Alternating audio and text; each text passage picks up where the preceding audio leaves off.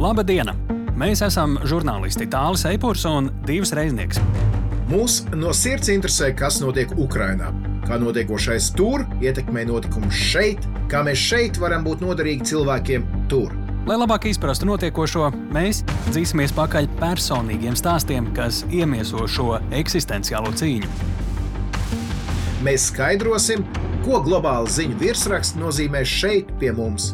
Jo Ukraina cīnās ne tikai par savu brīvību. Ukraina šobrīd ir arī mūsu drošinātājs. Sveiki, sveiki visiem, sveiki, Stāli. Sveiki, Dīva! Šis tiešām ir podkāsts drošinātājs no jau trešā epizode. Un uh, mēs tūdaļ arī izstāstīsim, kas mūs un jūs šajā epizodē sagaida. Jā, nu sāksim ar lielo interviju, ko um, jūs varēsiet dzirdēt raidieraksta noslēgumā, tālāk par kur tā būs. Tā būs intervija, kur mēs eh, sarunāsimies ar Nīžinas pilsētas mēru. Kāpēc tā ir svarīga un kāpēc tas ir interesanti?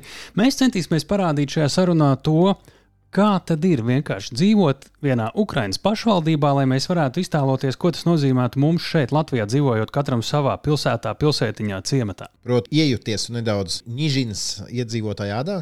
Nu, gan drīz vai tas ir gan par to, kur ir mazāk naudas līdz ar karu, kur ir postījumi, kādu palīdzību vajag. Un uh, tur arī būs, starp citu, tāda mazodziņa. Uzzināsiet, kāpēc šo podkāstu īpaši svarīgi klausīties ir preļu iedzīvotājiem. Uh, jā, un tad uh, mēs arī nedaudz parunāsim par um, tādu jaunu terminu, kas ienācies pēdējo nedēļu laikā. Šahid 136. Tie ir īrāņu droni, kas terorizē šobrīd Ukraiņas pilsētas it īpaši kara darbības zonās, um, tā teikt, frontes uh, līnijās, uh, viņi īpaši netiek manīti, bet tieši dod triecienus par civilu iedzīvotājiem un šīm infrastruktūras objektiem. Jā, nu, tur mēs pievērsīsim īpašu uzmanību. Un, protams, būs arī ekspertīze podkāstā drošinātājs. Un Kristīna Bērziņa no Vašingtonas mums palīdzēs saprast, gan kāpēc īpaša uzmanība ir pievēršama, ja jūs nepārklausīsieties Taģikistānas līdera izteikumiem, un mums tie ir svarīgi, un cik bīstams vai nebīstams ir jaunākās tūkstošiem Krievijas karavīru kustības Baltkrievijas teritorijā. Tie pāris no aspektiem, un tagad jāsaka tā: Sveiki, Kristīna! Sveika, Kristīne! Labdien, labdien! Nu, ko, kā vienmēr, nu jau ierasts, trīs jautājumi. Sāksim ar pirmo. Aizgājušajā nedēļā notika uh, fórums Krievija, Centrālā Azija. Tātad Krievijas un Centrālā Azijas valsts prezidenti tikās, un mani piesaistīja ļoti Taģikistānas līdera izteikumi, kuros viņš teica šādus vārdus всегда уважал и уважаем интересы своего главного стратегического партнера. Nu, хотим, чтобы нас уважали. Vienmēr esam cienījuši mūsu galvenā strateģiskā partnera intereses, taču vēlamies, lai arī mūs cienītu. Negribam, lai politika attiecībā pret Centrālā Azijas valstīm būtu kā pret bijušajām PSRS republikām. Mums katrai valstī ir savas problēmas, jautājumi, tradīcijas, paražas, Vajag atrast zelta vidusceļu un strādāt ar katru republiku individuāli. Kaut ko tādu Putina virzienā es līdz šim nebiju dzirdējis. Vai tas ir pārsteigums? Putinam tas noteikti ir pārsteigums. Bet vai pasaules mērogā tas ir pārsteigums? Es teiktu, ka nē. Šobrīd Krievija zaudē ietekmi ne tikai Eiropā, bet arī Centrālā Azijā. Krievijas karš ir eh, parādījis to, ka Krievija nav visvarana, un citas valstis Krievijas perifērijā, tā izskaitā Centrālā Azijā, izrāda savu neapmierinātību tam, kā agrāk Krievija ir rīkojusies. Šīs valstis Centrālā Azijā tās ir starp Krieviju un Ķīnu. Un viņām nav šobrīd jādanco pēc uh, Putina stabulis, tāpēc ka viņām ir arī alternatīva. Un viņas var sliekties vairāk uz to pusi. Un tāpēc mainās ļoti arī reģionu dinamika starp Krieviju, Ķīnu, Centrālā Aziju. Bet kas ir zaudētājs? Viennozīmīgi Krievija. Ja Krievija ir zaudētājs, vai mēs šeit Latvijā esam ieguvēji? Sēkt, jā, jo Krievijai ir jāierobežo savas ambīcijas. Un jau tagad Centrālajā Azija nosaka, ka tur ir viena robeža, Baltija nosaka, mēs jau sen neesam jūsu impērijā šajā pusē. Un tas liek Putinam saprast, ka viņa ilūziju pasaule nav reālā pasaule. Kas vispār ir ar Ķīnu un, un Ukraiņas krīzi? Jo mēs, eh, mēs to pārāk daudz nedzirdam. Mēs redzējām, ka Ķīna arī atturējās pēdējā balsojumā ANO, kur eh, bija balsojums par eh, aneksēto teritoriju pievienošanu Krievijai. Kāda ir Ķīnas loma šajā visā. Bez Ķīnas atbalsta Krievija nebūtu varējusi iebrukt Ukrajinā februārī vai arī šobrīd turpināt kara darbību. Bet Ķīna nav pavisam atbalstījusi Krievijas kara darbību, un at, Ķīnas atbalstam ir robežas. Ķīna, Ķīna vēlās uh, padarīt ASV švakāku. Ķīna vēlās veidot pasauli pēc savas politiskās un ekonomiskās sistēmas, bet Un, un tad, ja Eiropa un ASV ir aizņemtas ar karu Ukrajinā, tas atkal ļaus Ķīnai izaugt un, un attīstīties savā uh, virzienā. Bet Ķīna negrib, lai pasaules ekonomika sabrūk, un Ķīna negrib arī šobrīd lielāku kara darbību un negrib arī lielu sankciju ietekmu Ķīnas ekonomikā. Un tādēļ ir arī šis atbalsts, tam atbalstam arī ir robežas.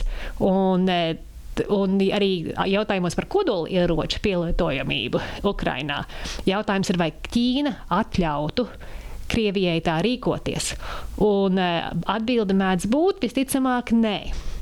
Jo? Jo Ķīna nevēlas redzēt globālā mērogā atomkaru. Un bez atkal Ķīnas atbalsta Putinam nav brīva rīcība. Un mēs redzam, tad, ka ir varbūt attīstās mazā brāļa, lielā brāļa dinamika, bet Krievija nav pieradusi būt mazais brālis attiecībās. Bet realitātē tā būtu šī brīža viņas loma? Tā ir tā loma. Un nākošos simts gados, jo vairāk attīstās autokrātu brālība, tajā brālībā Ķīna ir lielais brālis, Krievija ir mazais brālis. Labi, pie ģeopolitiskajām uh, spēlēm un spēlītēm mēs vēl atgriezīsimies trešajā jautājumā, bet nu laiks otrajam jautājumam. Uh, mums vismaz geogrāfiski krietni tuvākam - Baltkrievija. Mēs esam redzējuši gan to, ka Baltkrievija sūta Krievijas virzienā savus kaut kādus vecos tankus, un tāpat laikā mēs redzam, ka Krievijas karavīri atkal ierodas Baltkrievijā. Kāpēc atkal Baltkrievija ir uh, nonākusi ziņu virsrakstos? Šobrīd nav skaidra robeža militāru apmācību un, un arī nodarbību ziņā starp Baltkrieviju un Krieviju. Ja nonāk Krievijas karavīri Baltkrievijā, ir jautājums, ko viņi tur dara. Šobrīd izskatās, ka jaunie karavīri, kur ienāks Baltkrievijas karavīri, kur nonāks Baltkrievijā, tur sāk trenēties, ka tie ir mobilizētie karavīri. Viņi mācās pamatprincipu kara darbībai. Ja tie būtu nopietnāki, jau pieredze, pieredzējuši profesionāli karavīri, būtu iemesls uh, uztraukties, piemēram, Latvijai, Baltijai. Tomēr tas ir tuvu pie robežas, un arī tā vieta, kur daudzi viņi trenējās, nav pārāk tālu. Bet arī otrs jautājums ir, vai tie, tie no Baltkrievijas karavīri, Krievijas karavīri, varētu atkal uh, uzbrukt Ukrainai no ziemeļiem, atkal uh, traukties uz Kievas pusi. Bet uh, laikapstākļi un arī švakais to karavīru stāvoklis liek domāt, ka par to nevajadzētu šobrīd uztraukties.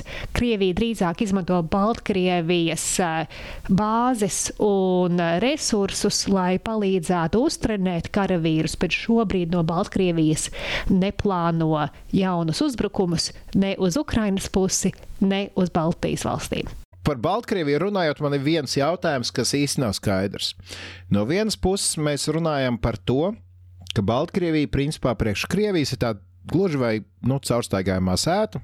Ja viņi grib, viņi atsūta raķetes, ja viņi grib, viņi atsūta dronus, ja viņi grib, viņu karavīri iet iekšā, iet ārā. Tāpat laikā Baltkrievijas armijas vienības karā nav iesaistītas. Kādēļ tā? No vienas puses, Baltkrievija it kā ir totāli zem Krievijas, no otras puses, viņi ir spējuši neiesaistīties ar savām aktīvajām armijas vienībām šajā karā. Lukašenko e, ir zem Putina papēža tajā pašā laikā. Baltkrievu tauta nevēlas iesaistīties karā Ukrainā vai uzbrukt savai kaimiņu valstī. Risks ir tāds.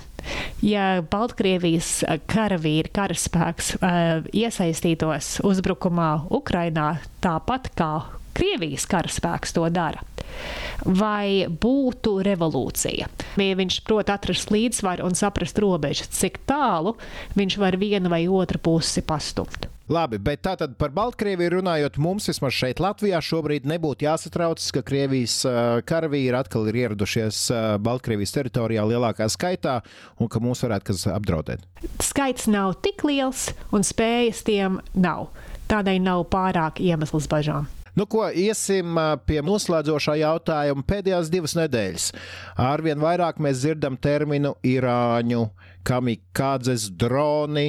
Tas sākās pirms divām nedēļām, pirmdienā, kad uh, Ukraina piedzīvoja masīvus uzlidojumus, bombardēšanas, un um, ir skaidrs, ka daudz šie uzbrukumi tiek veikti ar uh, Irānā ražotiem droniem par kuriem mēs nedaudz vairāk ar tālu pastāstīsim tīri par to specifiku un tam līdzīgi pastāstīsim uh, pēc mūsu sarunas. Bet, uh, ja mēs šobrīd runājam par šiem Irānas droniem tādā politiskā kontekstā, Tas nav tikai militārs jautājums, kā es saprotu šobrīd. Dronu izmantošana ir arī politisks jautājums, vai ne, Kristīna? Irāna ir īpaša valsts ģeopolitikā.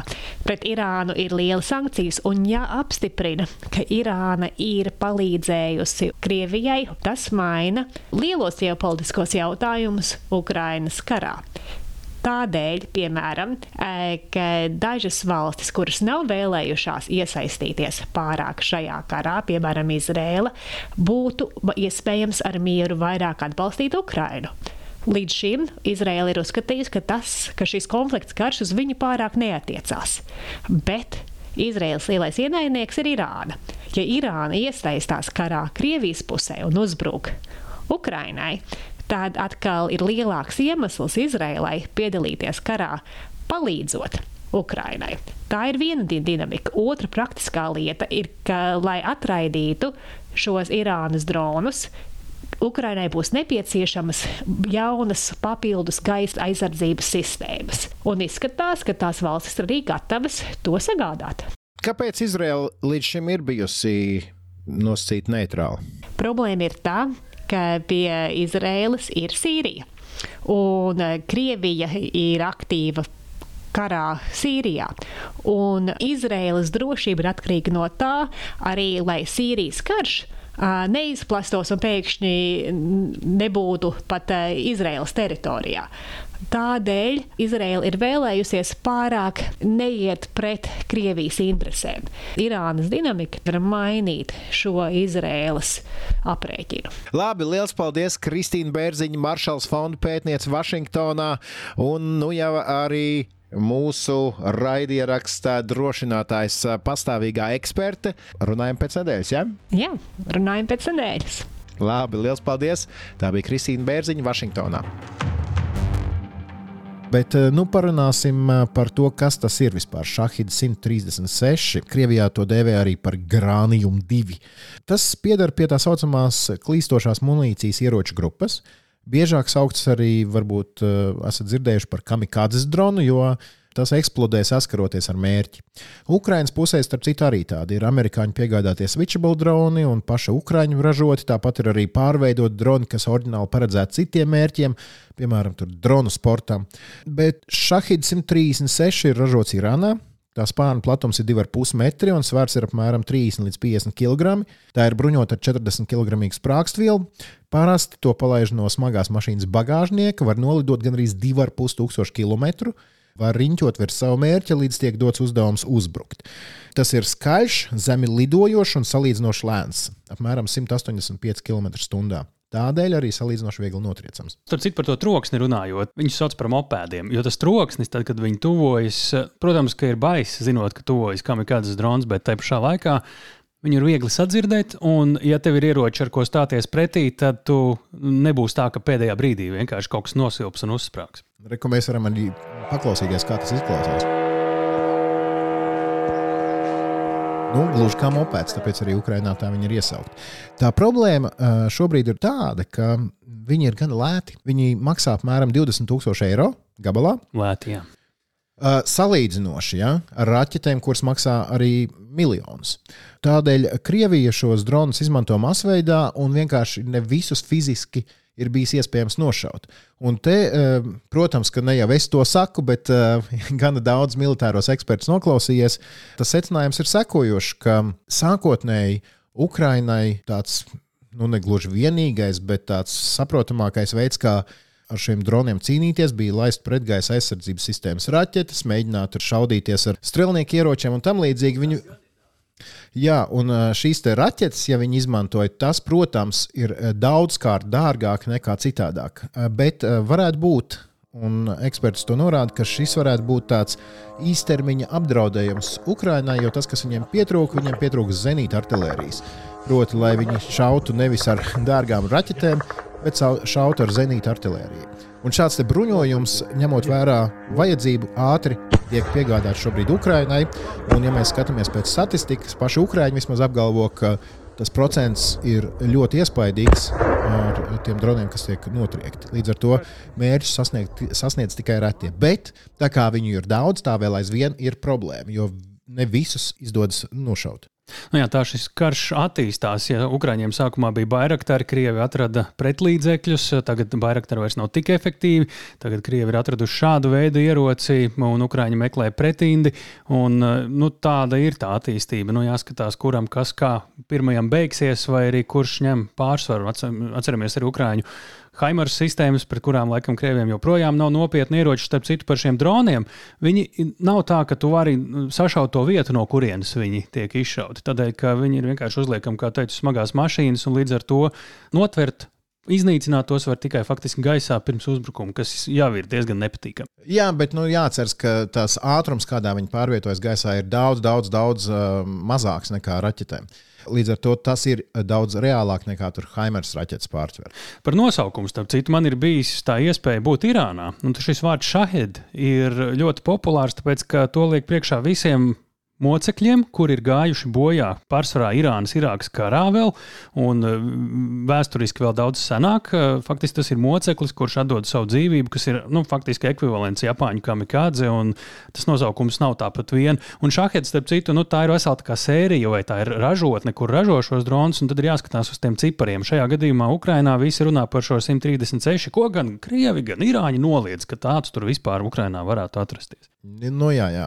Bet tāpat laikā mēs dzirdam, ka Irāna varētu piegādāt arī vēl nopietnākus ieročus, arī balistiskās raķetes.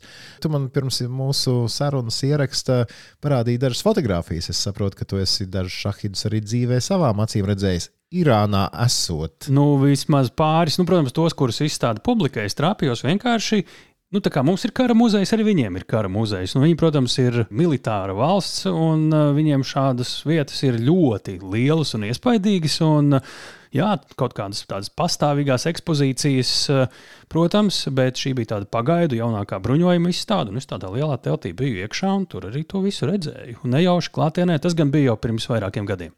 Tu arī esat redzējis vietu, kur tos šahidus taisot.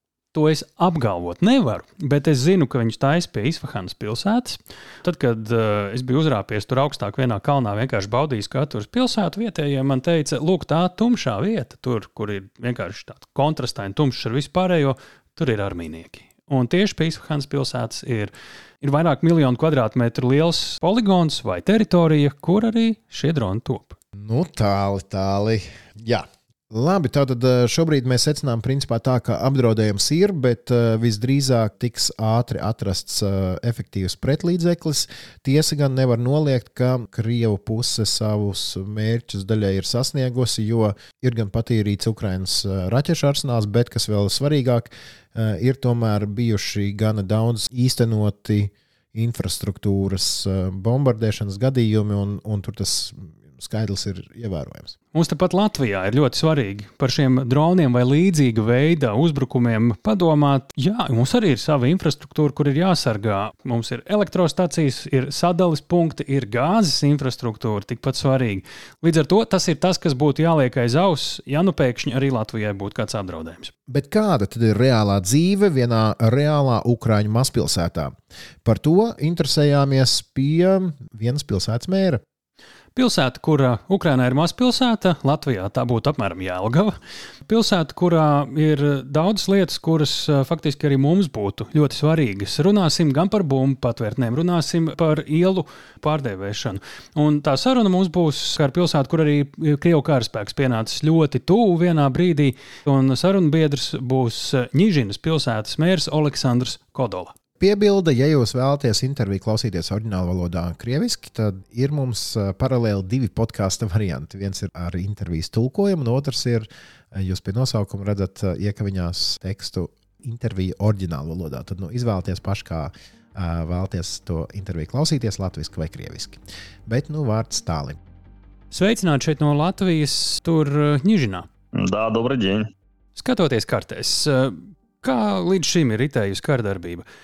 Ņīžīna atrodas no Kijavas uz Krievijas pusi pa ceļam uz Černīhivu, un Krievu karaspēks, cik es skatījos kartēs, iebrukuma sākumā bija ļoti tuvu Ņīžinai, bet tā arī neienāca pilsētā. Kā jūs šobrīd raksturotu, kurš kara dēļ bija pats grūtākais laiks līdz šim, un cik ilgs tas bija, un kas tad notika? Полномасштабная военная агрессия для нас началась 24 февраля.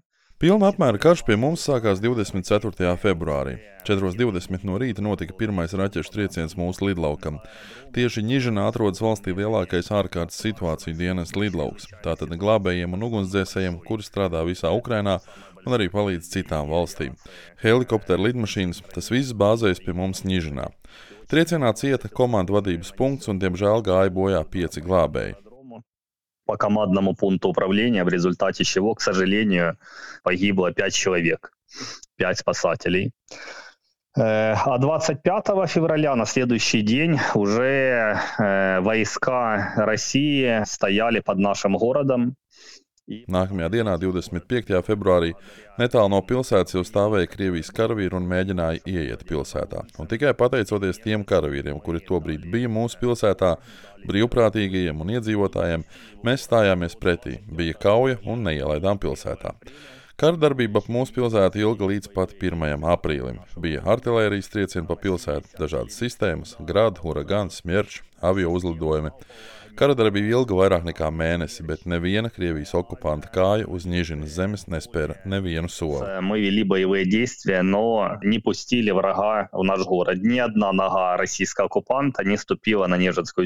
Tad sanāk, ka tas baisākais periods э, beidzās, kad viņi dažās dienās vienkārši pamet visu reģionu. Да, ну вот 1 апреля где-то закончились боевые действия.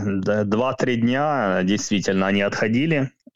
Jā, apmēram 1. aprīlī kara darbība pie mums beidzās. Divas, trīs dienas viņi atkāpās pēdējos marta datumos, bet arī tad viņi veica daudz triecienu, acīm redzot, aiz lielām dusmām.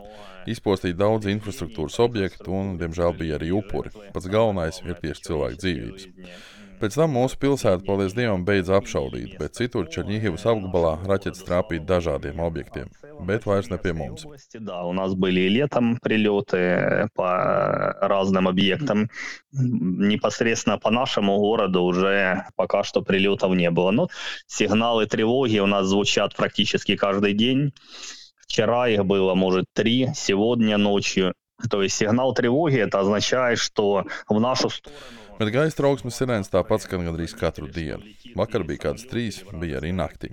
Tas nozīmē, ka lokatori fiksējuši, ka uz Nīžinas un Černīhovas apgabalu pusi lido vai nu lidmašīna, vai nu ienaidnieka raķete. Ielās atskan sirēnas, mums arī telefonos ir tam domātas lietotnes, kas nekavējoties nostrādā. Tad visiem jādodas uz drošām vietām, uz pagrabiem, patvērtnēm un tā tālāk.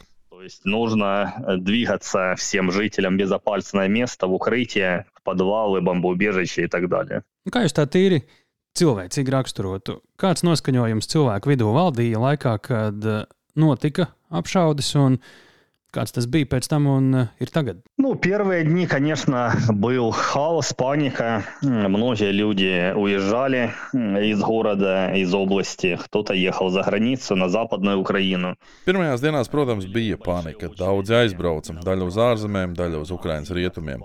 Bija garas rindas benzīna tankos, veikalos, pie bankomātiem, aptiekās. Pirmajās dienās un nedēļās valdīja hauss.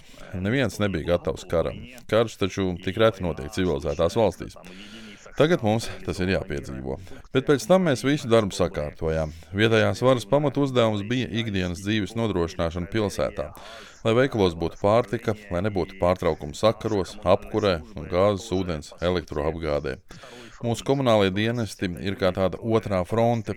Tie ir reāli cilvēki, kuri apšaužu laikā gādāja par pilsētas dzīvotspēju. Īpaši grūts laiks bija, kad vairākas dienas, nedēļa pēc iebrukuma veiklos, nebija pārtikas, jo cilvēki bija sapirkušies visus priekšu.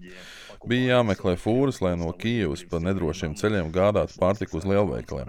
Заправлять машины, искать фуры, чтобы из Киева тоже очень небезопасно под обстрелами привозить продукты в большие супермаркеты. И такое было у нас. Поэтому постепенно и вооруженной силы Украины. Bet pakāpeniski mēs adaptējāmies un nu jau vairāk nekā pusgadu dzīvojam kara apstākļos. Lido raķetes, skan trauksmes sirēnas. Pats galvenais, ka tagad katrs Ukraiņas iedzīvotājs no visas sirds ienīst visu ar Krieviju saistīto. Un tas paliks uz daudzām paudzēm. Viņi būs vislielākie visu Ukraiņu ienaidnieki. Mūsu pilsētā un apgabalā neesmu saticis nevienu, kas varētu pateikt kaut ko labu par krieviem vai Krieviju. Mēs saprotam, ka tas ir ļaunums, ka tā ir teroristiska valsts, pret kuru mums ir jācīnās kopā ar visu civilizēto pasauli. Мы понимаем, что это зло и это страна-террорист, с которой мы должны бороться всем цивилизованным миром. Kā šobrīd izskatās pilsētā? Kādu ietekmi ir atstājusi kara darbība, un kas ir tas, ko mēs redzētu, ja mēs tagad dotos cauri pilsētai? У нас есть значительное повреждение инфраструктуры. У нас повреждено 25 многоэтажных домов, многоэтажек. Это пятиэтажки, девятиэтажки. Повреждено более 55. Postījumi ir ievērojami. Bojāta ir infrastruktūra, 25 daudzstāvu nami, 5 stāvu, 9 stāvu, vairāk nekā 55 privātmājas. Četras privātmājas iznīcināts pilnībā, un to vietā ir 15-20 metrīgas šāviņu bedres. Bojāts ir arī divas skolas, bērnu dārzs, viens sporta objekts, katlu māja. Tās visas ir sekas tā saucamajai Krievijas pasaulē. Tādu mums atnesa Krievija, valsts teroriste. Bet galvenais jau ir cilvēku dzīvības. Mums gājuši bojā gan civiliedzīvotāji, gan karavīri, kas aizsargāja pilsētu. Šajā laikā gājuši bojā jau vismaz 45 karavīri no Nižinas. Daudzas ģimenes ir zaudējušas tēvu, vīru, dēlu vienkārši savus tuvos cilvēkus un uz visiem laikiem. Visā valstī, protams, tie skaitļi ir milzīgi. Tūkstošiem cilvēku, tūkstošiem ukrāņu, kuri savas dzīvības ir devuši par mūsu valsts neatkarību un brīvību. просто своих близких людей. И этих людей уже человеческие жизни не вернуть. По всей стране, конечно, это колоссальная цифра, это тысячи людей уже на сегодня, тысячи украинцев, которые отдали свою жизнь за независимость и свободу нашей страны. Un arī par mūsu valsts. Mēs to lieliski saprotam. Sekojam līdzi un palīdzam, kā vien iespējams, bet, ja aktīvā kardarbība tieši ņēžinas ielās neritēja, tad uh, tomēr uh, gan jūsu iedzīvotāji dodas karot, uh, gan visticamāk arī jūsu pašvaldība karam novirza daļu resursu. Kas ir tas, kas pašvaldības darbā ir mainījies? Kādas tieši pārmaiņas karš ir ienesis jūsu darbā kopš 24. februāra? Да, действительно, война началась с 2014 года, когда Россия аннексировала Крым, наш полуостров, когда э, оккупировала территории Донецкой и Луганской области, но тогда война Jā, karš sākās jau 14. gadā, kad Krievija anektēja mūsu Krimas pussalu un okupēja Donetskas un Luganskas apgabalu teritoriju. Bet tad karš bija nedaudz tālāk, un mēs no tā pirmajām dienām palīdzējām. Arī tur karoja mūsu novadnieki no Ņižinas un Černīhivas, bet paši mēs to neizjutām tiešā veidā. Šodien Ukrainā visi ir sapratuši, ko nozīmē pilna mēroga karš. Nav neviena apgabala, kur nebūtu kritušas raķetes. Reāls kaujas ir notikušas jau praktiski pusē Ukrainas teritorijas. Tāpēc šobrīd katrs Ukraiņš sapņo un lūdz par mūsu uzvaru un palīdz kā vien var. Pašvaldība no pirmajām dienām strādā ar pārtiks apgādi, transportu, kas bija nepieciešams mūsu karavīru mobilizācijai. Maksimāli sadarbojamies ar Ukraiņas bruņotajiem spēkiem. Tam aiziet mūsu vietējais budžets - aprīkojumam, dronam, termovizoriem, binokļiem, automobīļiem, karavīriem no Ņīžinas. Viņi karo gan Donbasā, gan ir uz robežas ar Krieviju un valsts austrumos. И на приграничных территориях с Россией, и на востоке нашей страны. Э, также у нас создан волонтерский штаб при Нежинском горсовете, это при местной власти, где тоже очень... Lielu darbu veic arī pašvaldības izveidots brīvprātīgo štāvs. Brīvprātīgie palīdz kā vien var. Turklāt tagad sākas rudens un ziemas periods. Karavīriem vajag silto veļu un ziemas apģērbu. Tā ka šobrīd darām ļoti daudz ko tādu, kas agrāk nebija jādara. Mēs darām visu, lai mēs uzvarētu. Katrs savā vietā un savā līmenī. Mēs saprotam, ka katra ieguldījums ir šodien ļoti svarīgs. Mēs ziedojam no savām algām labdarībai, pērkam automašīnas, strādājam ar uzņēmējiem. Visa uzmanība ir uz fronti un uz uzvaru. Работаем с бизнесом, с бизнесменами. То, сколько может. Сегодня все для фронта, все для победы. Baltijas valstis pasaulē ir pirmajā trīniekā Ukrainai atvēlētās palīdzības ziņā, proporcionāli, protams, bet tā, lai Latvijā visdažādāko pašvaldību iedzīvotāji varētu saprast, iztēloties, sajust, cik liela daļa jūsu pašvaldības budžeta šobrīd aiziet tiešā vai arī netiešā veidā kara vajadzībām? Ну, смотрите, бюджет общин, городов, муниципалитетов, он по закону не должен идти на вооруженные силы. То есть это государственный бюджет финансирует армию вооруженной силы. Redziet, katrā valstī, protams, ir citādi, bet mums likums saka, ka par bruņotajiem spēkiem gādā valsts. Pašvaldību naudai nebūtu jānonāk pie bruņotajiem spēkiem, bet mēs saprotam, ka uzvarai vajag ikviena palīdzība. Mēs meklējam veidus, kā piesaistīt arī vietējos budžets, lai palīdzētu mūsu armijai. Protams, par normālu dzīvi šodien runas nevar būt, jo pašvaldība nevar simtprocentīgi veikt visas savas funkcijas. Pilsētā ir apturētas visas attīstības programmas. Šis gads bija plānots kā parku un skvēru gads. Budžetā jau bija ieplānota liela nauda parku un skvēru rekonstrukcijai. Nu, tas viss ir apturēts. Tagad par to naudu remontējam bumbu patvērtnes, daudz dzīvokļu mājas, slimnīcas, skolas. Visu vasaru aktīvi gatavojāmies jaunajam mācību gadam.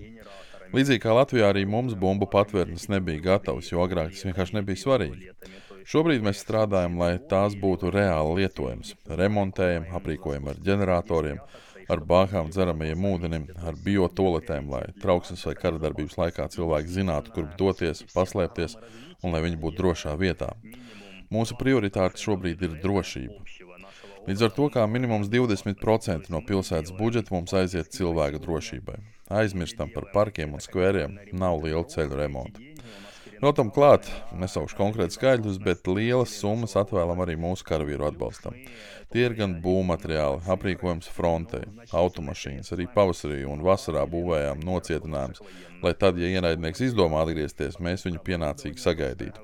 Līdz ar to pēc būtības varbūt pat pusi no budžeta mēs veltām pavisam citām prioritātēm nekā pirms kara - drošībai un mūsu pilsētas aizsardzībai. Враг, если захочет еще раз сюда прийти, чтобы уже мы его встретили достойно, И так далее. Поэтому, по сути, до половины бюджета, конечно, уже сегодня направлены на другие приоритеты, на безопасность и на оборону нашего города. Ja runājam par Latviju un tās palīdzību Černīhivas apgabalam, un tā skaitā jūsu pilsētai, kāda tā līdz šim ir bijusi?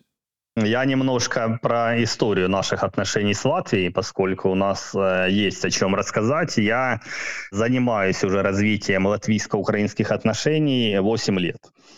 Es vispirms gribu atgādināt nedaudz vēstures par mūsu attiecībām ar Latviju, jo tāda ir. Es ar Latvijas-Ukrainas attiecībām strādāju jau astoņus gadus. 14. gadā es biju Černiņģevas augstbala galvas pirmais vietnieks. Kad kļuvu par parlamentu deputātu, vadīju abu valstu parlamentu sadarbības komiteju. Tajā laikā ļoti labi nostiprinājām attiecības gan kultūrā, gan ekonomiski, gan radot kopu uzņēmumus, gan atverot goda konsulātu mūsu apgabalā. Citām valstīm pie mums tāda nav. Ļoti daudz paveicām, un jo īpaši tieši sadarbībā ar Černīhivas reģionu. Černīhivas pilsētai sadraudzības pilsēta ir Ogra Latvijā, bet Ņižinas pilsētai nesen ir parakstīts sadarbības līgums ar Prēļiem. Es braucu uz Latviju, stāstīju tur par karu, un man ir ļoti silts atmiņas par uzņemšanu gan Prēļos, gan Rīgā. Tāpēc gribu pateikties visai Latvijas tautai par reālu atbalstu. Par spīti tam, ka esat maza zeme, jūsu valstī ir ļoti liela sirds. реальную поддержку. Да, несмотря на то, что Латвия небольшая страна, но я всегда говорю, что вы страна с огромным сердцем. Сегодня Латвия нам помогает и финансово, и дипломатически. Вы такой лидер в Европейском Союзе по дипломатической поддержке задаете темп Šodien Latvija mums palīdz gan finansiāli, gan diplomātiski. Jūs arī Eiropā kurināt tempu diplomātiski atbalstām. Es gribētu, lai šajā ziņā Latvijai līdzinātos arī citas valstis. Tā ir humanitārā palīdzība. Tieši Ņižinā Latvija bija viena no pirmajām valstīm, kas jau martā, kad klājās grūti un bija reāla kardarbība, mums palīdzēja gan Latvijas vēstniecība, gan arī Prēļu pilsēta sūtīja palīdzības kravas. Tad tas bija īpaši svarīgi. Protams, jūs arī palīdzat mūsu sievietēm, bērniem un sirmgalviem patvērties no kara. Mēs jums esam ļoti pateicīgi, un es gribu, lai Latvijā visi zina, ka mēs to nekad neaizmirsīsim.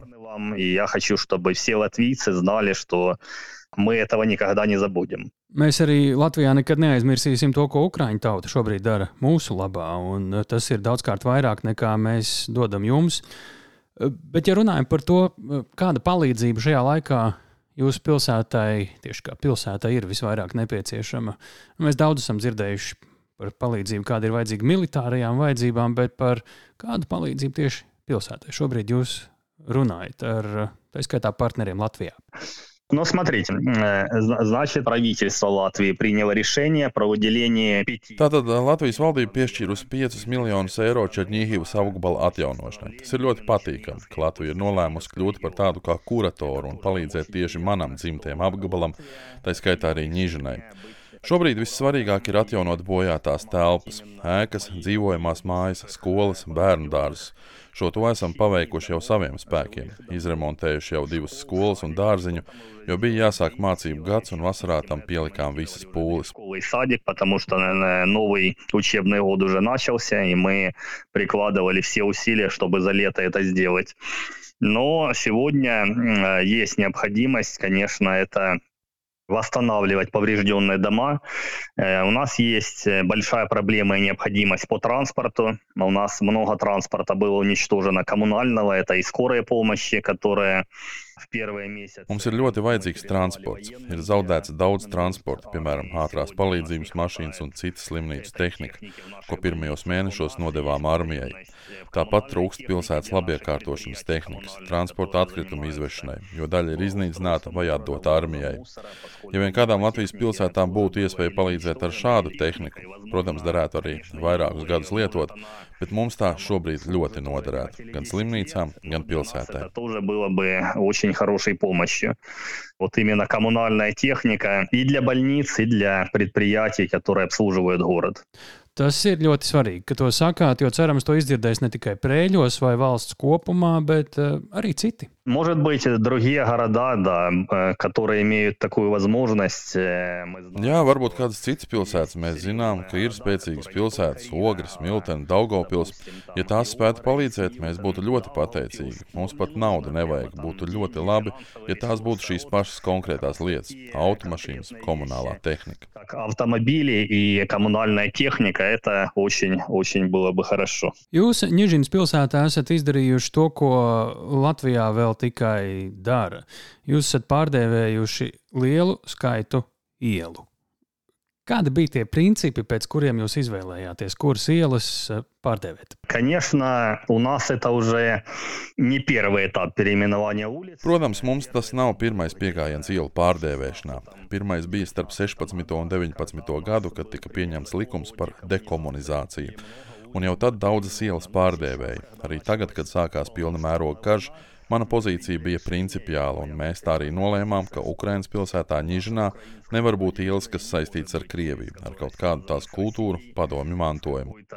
Российской культурой, советским наследием. И мы создали рабочую группу из числа научных сотрудников. У нас два университета в Нежине много преподавателей, профессоров, доцентов, научных сотрудников. Izveidojām darba grupu ar abu mūsu pilsētas universitāšu zinātniekiem, pasniedzējiem, profesoriem, docentiem. Bija arī deputāti, vēsturnieki, kultūras pārvalde, arheologi. Viņi secināja, ka mums 93 ielām ir saikne ar Krieviju, ar krievisko pagātni, piemēram, kāda Krievijas vai Krievu kultūras darbinieki un līdzīgi. Tāpēc nolēmām šīs ielas pārdēvēt. Augustā pārdēvējām 54 ielas. Vēlāk pārdevēsim arī pārējās no šīm 93. На одной из сессий в августе этого года мы переименовали 54 улицы из 93, а позже переименуем и остальные. И моя была личная инициатива. Mana iniciatīva bija, ka vairākas ielas ir jānosauc mūsu ārvalstu sadraudzības pilsētu vārdos, tāpēc jauno ielu sarakstā ir Prēļu iela. Atbalsts bija vienbalsīgs aiz cieņas un pateicības pret Latvijas tautu un pret pašu Prēļu pilsētu. Побратима из Латвии, э, города Прыли. Все э, единогласно поддержали э, в честь солидарности, дружбы и уважения к латвийскому народу и к городу побратиму Прыли. Bet mums interesē tas, kā tieši izlēmāt, no kādiem nosaukumiem būtu jāatbrīvojas. Nu, Rīgā, piemēram, ir Puškina iela, ir Gogoļa iela. Viņi abi šeit eh, uz vietas neko nekad nav darījuši. Un, nu, mēs zinām, ka Gogols ir bijis saistīts cieši ar Ukrajinu, taču pie mums gan viens, gan otrs ir atnākuši caur Krieviju, un šīs ielas Rīgā joprojām ir. Ну вот, э, вот мы от этого тоже избавлялись. У нас было и Пушкина, и Лермонтова, и там 50 лет в ЛХСМ. Nu, lūk, mēs no tā esam tikuši vaļā. Mums bija gan Puškina, gan Lermontova, gan partijas 50 gadus un PSRS 50 gadus ielas. Protams, ka no tāda mantojuma mēs aktīvi atbrīvojamies. Ar Gogoli gan ir nedaudz citādāk, jo viņš vairāk nekā desmit gadu dzīvoja tieši Ņīžanā. Un mums ir 300 gadus veca universitāte, kur ir nosaukta Nikolai Gogoļa vārdā. Tāpēc te, protams, attieksme ir pielaidīgāka. Lai arī viņu uzskata par krievu rakstnieku, pusi dzīves viņš tomēr nodzīvoja Ukrajinā. Bet Latvijai gan viņš ir tas pats, kas Puškins, un neko daudz nenozīmē. Для Латвии э, он, конечно, так как и Пушкин, никогда там и не был, да, и не представляет значения. Ņežinā, starp citu, pēdējos savus dzīves gadus pavadīja Arī mūsu mākslinieks Jūlijas Feders. Jā, mēs viņam arī pievēršam uzmanību. Kad atbrauc viesis no Latvijas vai kāds no vēstniecības, mēs nereiz vien esam braukuši uz viņa kapa vietu un esam atklājuši arī piemiņas plāksni pie kādas ēkas par godu viņam. Jā, mēs vēl ilgi tā varētu sarunāties un cerams kādreiz arī klātienē, bet e, ir vēl viena lieta. Um, es pat netaisos jautāt, vai jūs e, ticat eh, Ukraiņas uzvarai. Tas šodien ir liekas jautājums. Bet kā jūs teiktu mūsu klausītājiem? Kas ir tas racionālais, tas loģiskais pamats tam, ka Ukraina uzvarēs? Во-первых, у нас нет другого выхода, только победа, поскольку мы не пришли... Vispirms jau mums nav citas izējas kā tikai uzvara, jo mēs neesam iegājuši svešā teritorijā vai svešās mājās. Mēs aizsargājam savas mājas, savu zemi, valsti un ģimenes, tāpēc citādi nemaz nevar būt. Tāpēc arī visa Eiropa, ASV un citi apvienojas, lai mums palīdzētu. Jo visi saprot, ka Krievija, Putins tie ir teroristi. Tā ir teroristu valsts, kura mums visiem ir jāaptur. Citu variantu kā uzvara mums nemaz nav. Par jebkuru cenu. Un mēs visi tam ticam, un tā arī notiks. Любой ценой, но мы победим, и в это все верим, так и будет. Дякую и слава Украине! Спасибо. Спасибо. Слава Украине, слава Латвии. Jūs dzirdējāt sarunu ar Ņīžīnas pilsētas mēru Aleksandru Kodolu. Un, eh, jāsaka, tā, kādu dienu gribētos nu, parunāties arī klātienē, tad, kad tas būs droši. Un... Kas zina, varbūt, eh, kad karš beigsies, kādu drošinātāju epizodu mēs varam ierakstīt Nižinā, Preļu ielā. Vai ne? Pavisam noteikti. Katrā ziņā darām tā. Ja jums šis patika, dalieties uh, sociālajos tīklos, sūtiet saiti uz uh, mūsu raidierakstu saviem draugiem, radiem paziņām. Interviju atšifrējums, ja kāds ir vairāk lasītājs nekā klausītājs, droši meklējiet LSM LV. Un uh, droši rakstiet mums, drošinātājs at Latvijas radio.clv. Rakstiet atsauksmes, ra rakstiet arī savas idejas. Varbūt jums ir kāds uh, cilvēks vai kādas mm, profesijas pārstāvis Vai kāds temats? vai kāds temats, uh, par kuru jūs gribētu dzirdēt, vai nu interviju, vai šajā te skaidrojošajā sadaļā. Un klausieties mūs katru ceturtdienu. Drošinātājs skaidri un personīgi par karu Ukrajinā. Vislabāk! Raidieraksts drošinātājs.